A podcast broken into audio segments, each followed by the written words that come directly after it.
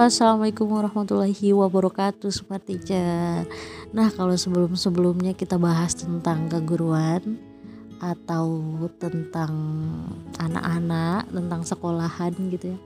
Kali ini kita bahas sesuatu yang agak dewasa sedikit Kita bahas tentang rumah tangga kali ya, asik. Jadi ini penting banget didengarin untuk teman-teman yang berencana mau nikah udah mau nikah baru beranjak uh, berapa bulan gitu ya masih pengantin baru. Atau teman-teman yang mau menikah tapi belum ada jodohnya begitu ya masih bingung masih belajar ilmu pernikahan dulu seperti apa atau teman-teman yang udah menikah tapi ya masih pengen menggali ilmu. Kayaknya penting banget didengerin sih. Kayaknya. Memang penting kali bukan kayaknya lagi ya begitu. Nah kali ini aku Fairiah Muiz mau bahas tentang pahitnya sebuah pernikahan. Eh emang pernikahan itu pahit ya?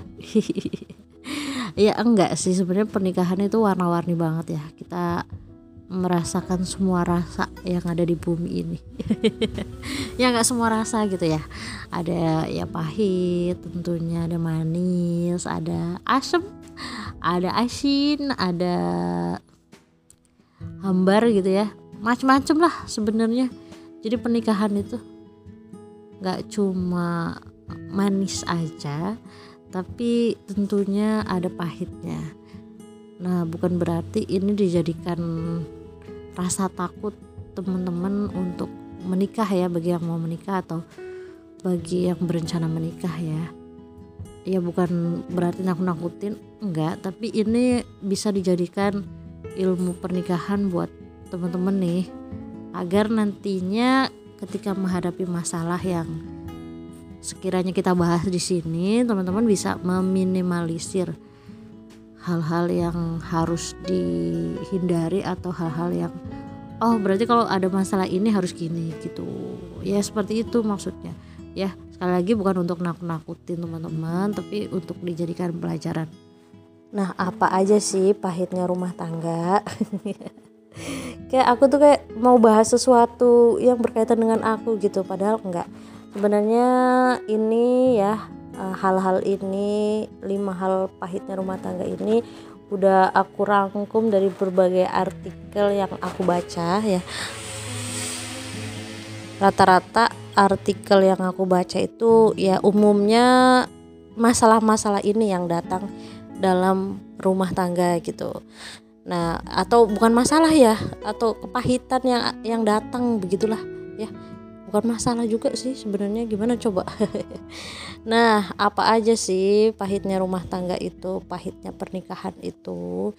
Nah yang pertama itu ketika sedang bertengkar. Nah ya nggak mesti cinta-cinta sebenarnya rumah tangga itu nggak nggak setiap hari juga love love I love you gitu-gitu ya. Kayak yang terlihat di sosmed itu nggak nggak semuanya benar gitu. Ada yang couple gitu ya. Kalau posting di IG atau di TikTok atau di mana ya di akun sosial media, media mereka tuh kayak harmonis banget. Couple goal gitu bisa apa goals gitu bisa sama-sama kerja. Itu sebenarnya enggak kayak gitu. Jadi di baliknya itu pasti ada sesuatu. Bisa jadi ya ada pertengkaran-pertengkaran yang kita nggak ketahui. Tapi mereka berhasil menutupi itu gitu dan kita nggak tahu tuh masalah mereka apa gitu ya. Ya bertengkaran mereka apa gitu ya. Nah iya pahitnya uh, pernikahan itu ketika sedang bertengkar. Jadi bisa aja ada sesuatu yang bikin mereka bertengkar. Bahkan kadang gara-gara hal sepele misalnya anduk diletakkan di kasur atau di lantai sembarangan gitu ya bisa jadi sebuah pertengkaran. Atau kalau di di diri aku nih dengan pasangan ya kalau misalnya bertengkar itu seringnya karena si pasangan aku si suami ya nggak ngidupin air. Jadi aku paling nggak suka gitu ya bak itu kosong gitu. Jadi bak itu harus penuh. Kalau uh, kalau penuh kan enak ya dipakai buat uh, mandi buat buat misalnya bersih-bersih gitu enak gitu. Tapi ini dia tuh suka ngosongin air dan aku suka menuin air. Jadi aku seringnya bertengkar masalah itu ini kok air nggak penuh? gitu. Sebel aku jadinya. Kataku gitu gitu kan. Ya kadang bertengkaran itu memang hal-hal sepele yang ada di sekitar kita yang kita nggak suka. Ah jadi pemicu masalah begitu ya. Kadang ya begitulah nggak harus hal-hal besar kayak ada apa ada apa? gitu ya. Enggak masalah kadang kecil. Kadang misalnya kita kita mau makan nih makan di luar tapi pesen gitu kan uh, atau beli gitu. Misalnya kita uh, pengennya uh, dada gitu kan. Dada kita misalnya dada goreng gitu ya. Biasanya paha. Ketika dada nggak ada terus kita dibelikan paha tuh kayak uh, kesel banget sih kalau nggak ada. Ya udah nggak usah dibelikan. Ngapa dibelikan paha? Aku kan gak suka paha wah itu jadi rame gitu ya. Makanya kadang tuh pertengkaran tuh nggak yang besar-besar banget enggak. Masa malah hal-hal sepele gitu. Tapi ya yang aku pelajari dari orang-orang tua yang aku lihat gitu ya justru hal-hal kayak gitu ya udah nggak apa-apa dimakan aja. Kayak gitu loh guys. Bisa gitu loh meredam sebuah amarah yang bergejolak di dalam hati dengan ya udah nggak apa-apa dimakan aja gitu. Misalnya tadi udah pesennya dada sama paha. Karena nggak suka paha dibelikannya paha karena dadanya udah habis. Marah kan? Nah sebenarnya nggak perlu marah gitu kan. Kalau orang tua orang tua orang tua yang udah lama menikah udah 25 tahunan menikah itu aduh kok bisa selegowo itu gitu menghadapi pasangan gitu ya. Kita kan mending marah gitu ya aduh memang itu kuncinya sih legowo. Nah begitu. Nah jadi ya hal-hal kecil itu bisa jadi sebuah pertengkaran dan tahu nggak sih ternyata itu pertengkaran itu membuat jiwa kita jiwa kita ya kayak sebagian diri kita tuh kayak panas. Aku nih ya kalau bertengkar gitu sama pasangan itu dadanya panas banget itu. Kayak kayak belum lega gitu loh kayak belum belum adem gitu loh kok bisa gitu gitu. Sampai ya suatu hari misalnya misal suatu hari suatu pagi aku berantem nih ya nggak tahu masalah apa lupa. Tahu masalah baju atau masalah masalah sarapan atau masalah apa nggak tahu juga ya. Jadi berantem tuh pagi-pagi kebawa lah sampai sekolah sampai tempat kerja. Itu kayak eh dongkolnya masih ada. Pokoknya hatinya tuh panas banget gitu. Kebawa lah itu sampai ke anak-anak. Jadi aku ngajar anak kelas 2 anak-anak juga ikut anak-anak kenapa hari ini jadi rewel banget ketika aku sedang marah? Ketika aku sedang kesal kenapa mereka ikut-ikutan merewel? Ketika malah mereka nangis-nangis berantem-berantem. Aduh. Ya itu penting banget buat teman-teman. Kalau mau berantem usahakan jangan di pagi hari karena apalagi kalau sama-sama kerja ya suaminya kerja istrinya kerja. Jadi usahakan jangan berantem di pagi hari. Kalau berantem di pagi hari langsung baikan. Udah langsung uh, saliman deh atau langsung uh, biasa peluk peluk deh langsung uh, disayang-sayang sayang-sayang deh. Jangan sampai berantem. Karena pagi hari kan kita waktunya mencari mood kerja yang bagus gitu ya. Kalau mood kita bagus, maka performa kita kerja juga bagus ya. Ya sebaliknya kalau mood kita runtuh, gimana mau kerjanya enak gitu. Boro-boro enak yang ada kita kayak kepikiran sama pasangan kita karena masalah tadi. Dongkolnya itu tetap ada gitu. Aduh, gawat ya. Jadi itu. Terus uh, nggak di pagi hari juga di malam hari. Kalau mau tidur usahakan tidak ada pertengkaran lagi ya. Ya kalau malam-malam bertengkar usahakan selesaikan dengan damai. Iyalah dengan damai. Usahakan jangan sampai dibawa tidur karena ya bahaya banget deh tidur sambil marah gitu kan. Kalau menurut penelitian kan kalau kita mau tidur kita harus memaafkan diri kita memaafkan orang-orang sekitar kita dan memaafkan semua kejadian yang dilalui di hari itu. Maka itu usahakan hindari berantem di malam hari ya teman-teman. Nah, itu yang pertama. Pahitnya pernikahan adalah ketika sedang bertengkar.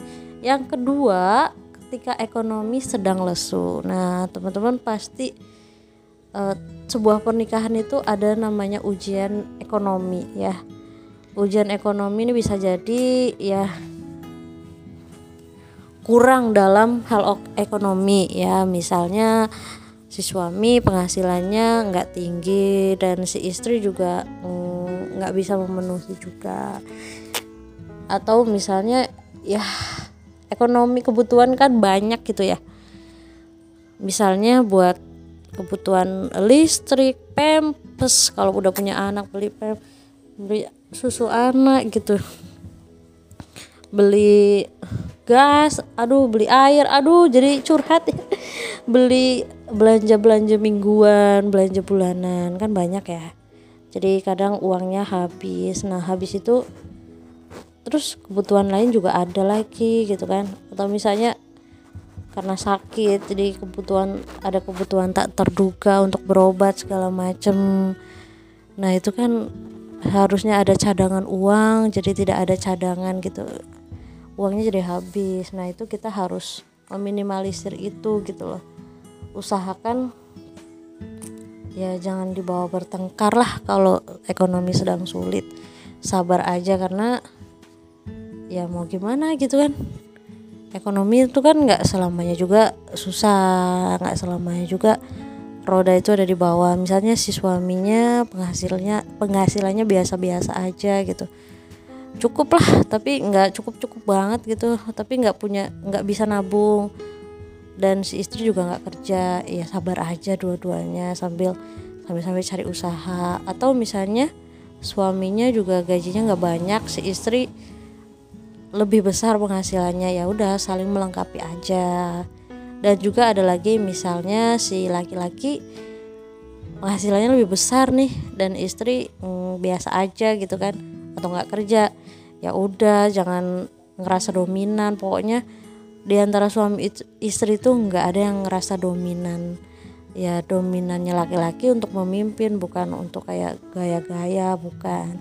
Nah dominannya istri untuk memanage hal yang perlu gitu kayak memanage keuangan atau memanage uh, aktivitas anak gitu ya.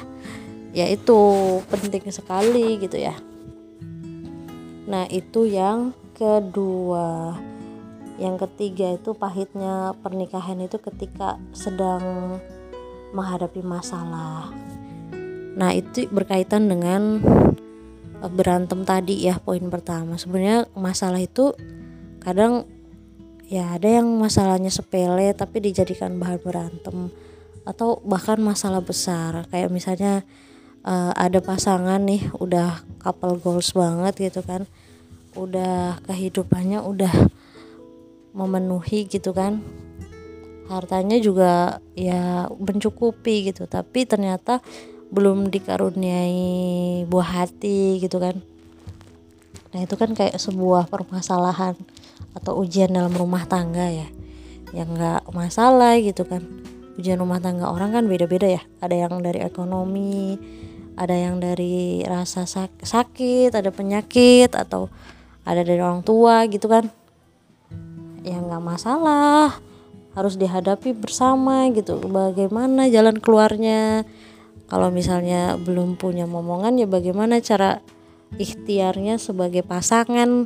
Harus gimana sih biar dapat momongan nah kalau dari saran aku dulu aku kan sempat uh, tiga bulan kosong gitu ya tiga bulan belum punya anak uh, belum belum telat-telat haid gitu kan. Jadi waktu itu aku baca postingan dokter Zaidul Akbar kalau misalnya yang uh, seorang wanita ingin cepat hamil rahimnya itu harus dibersihkan dulu. Dan cara membersihkan rahim tersebut itu dengan memakan rempah-rempah atau rimpang ya. Rimpang itu Seja, rimpang itu kunyit, kencur, jahe itu harus rutin diminum kita. Jadi kita sebagai perempuan, ya Allah harus minum jamu ternyata. Sampai sekarang juga aku harus tetap minum jamu karena memang masih menyusui gitu kan. Jadi tubuh ini harus fit begitu fit ya. ya kalau perempuan memang kekuatan seorang perempuan itu di rahim jadi rahim itu dengan kita rahimnya sehat insya Allah bayi kita juga terlindungi begitu ya maka rahim kita harus sehat dulu ya dengan itu dia kita mengkonsumsi rimpang-rimpang jahe kunyit kencur kemudian ketumbar ketumbar apa sih namanya ketumbar terus uh, merica begitu ya. Dulu aku sering banget itu ngerebus satu gelas itu satu gelas sebelum sebelum makan malam sih kalau nggak salah. Iya sebelum makan malam itu maghrib minum uh, jahe sama kunyit di, direbus gitu kan. Direbus bareng serai dikasih madu satu sendok. Nah itu tuh ampuh. Alhamdulillah aku menjalani itu satu bulan dan ya telat haid akhirnya alhamdulillah. Ya itu itu bagi aku sih itu mempan gitu tapi bagi setiap orang bisa jadi nggak mempan atau ada sesuatu yang terjadi. Tapi ya konsultasikan dulu deh sama dokter gitu atau kita kembali ke alam deh jangan sampai kita mengkonsumsi obat-obatan atau apa gitu ya itu dia dengan cara itulah. Nah itu permasalahan permasalahan yang ada di ya masalah ketika uh, ada ya ketika belum memiliki buah hati. Tentunya banyak sekali masalah lain kayak misalnya dari uh, mertua atau dari keluarga kita ya. Itu ya masalah datang dari mana aja. Tapi bagaimana kita menghadapinya berdua gitu loh. Jangan sampai saling menyalahkan lah kayak misalnya tadi uh, si kita sebagai perempuan belum hamil nih. Terus si laki-laki mempermasalahkan kok belum hamil sih? Kamu nggak subur ya? Jangan sampai kayak gitu karena ketentuan memberi buah hati ya memberi momongan atau enggak tuh ya udah hak prerogatif prerogatif Allah gitu ya. Udah Allah yang ngasih gitu loh. Terserah Allah dong mau ngasihnya kapan gitu kan jangan sampai si suami ngomong kayak gitu kan. Karena kita sebagai ya sebagai calon orang tua ya hanya berusaha. Jangan sampai keluar kata-kata yang menyakitkan kayak gitu ngomong wanitanya mandul dan segala macam. Atau masalah masalah-masalah yang lain jangan sampai saling menyalahkan. Justru harus saling menguatkan. Karena masalah datang ya tentunya untuk mendewasakan kita sebagai seorang hamba Allah begitu ya. Apalagi kita pernikahan ya. Nah itu dia. Terus terus terus apa? Terus ya itulah pokoknya ya. Yang ke oke yang ke keempat dan kelima itu nanti bakal aku lanjutkan. Terima kasih udah dengerin. Kayaknya ini kepanjangan banget ya. Nanti bisa-bisa sampai satu jam deh tapi memang asik ya ternyata cerita-cerita tentang pernikahan itu. Jadi kita bisa menghadapi masalah-masalah itu dengan ya ya dengan apa yang sudah kita pelajari ilmunya ya. Makanya kita harus berilmu dulu buat berumah tangga begitu ya. Oke, kita lanjutkan di lain kesempatan. Terima kasih udah dengerin dan semoga banyak manfaat. Oh ya, tadi ada tiga ya. Aku sebutin dulu. Yang pertama, pahitnya pernikahan itu ketika sedang bertengkar. Jadi eh, masalah itu eh masalah.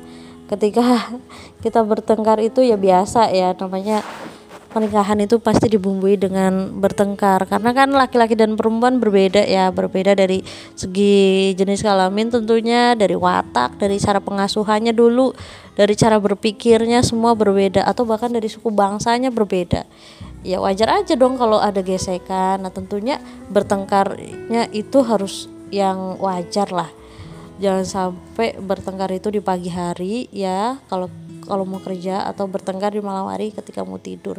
Usahakan maaf-maafan berpelukan lah kalau perlu untuk saling memaafkan atau melegakan begitu ya. Yang kedua ketika ekonomi sedang lesu. Nah biasa itu rumah tangga itu ya pasti uh, ada kekurangan duit ada ada banyak kebutuhan. Namanya uh, namanya awal-awal pernikahan gitu ya. Belum benar-benar mampu mengelola keuangan gitu. Jadi ya ya udah sabar aja. Ya uh, terus aku baca juga nih sebuah apa ya kayak sebuah tingkatan rumah tangga gitu ya. Kalau katanya lima tahun pertama itu sebuah rumah tangga itu biasanya diuji dengan ekonomi. Jadi kalau masih di umur-umur 1 sampai 3 tahun ya biasa kalau ekonominya belum stabil kan ya. Kalau lima tahun ke atas ya insya Allah udah stabil karena udah tahu kan cara mengelolanya seperti apa. Nah yang ketiga itu ketika masalah datang. Masalah datang itu bermacam-macam ya dari diri pasangan kita dari kita atau dari dari dari keluarga suami kita ya mertua kita atau atau siapa aja. Tapi sebenarnya masalah datang sebenarnya bukan untuk kita kayak saling menyalah-nyalahkan. Enggak tapi harus saling menguatkan satu sama lain. Oke begitu. Terima kasih udah dengerin. Wassalamualaikum warahmatullahi wabarakatuh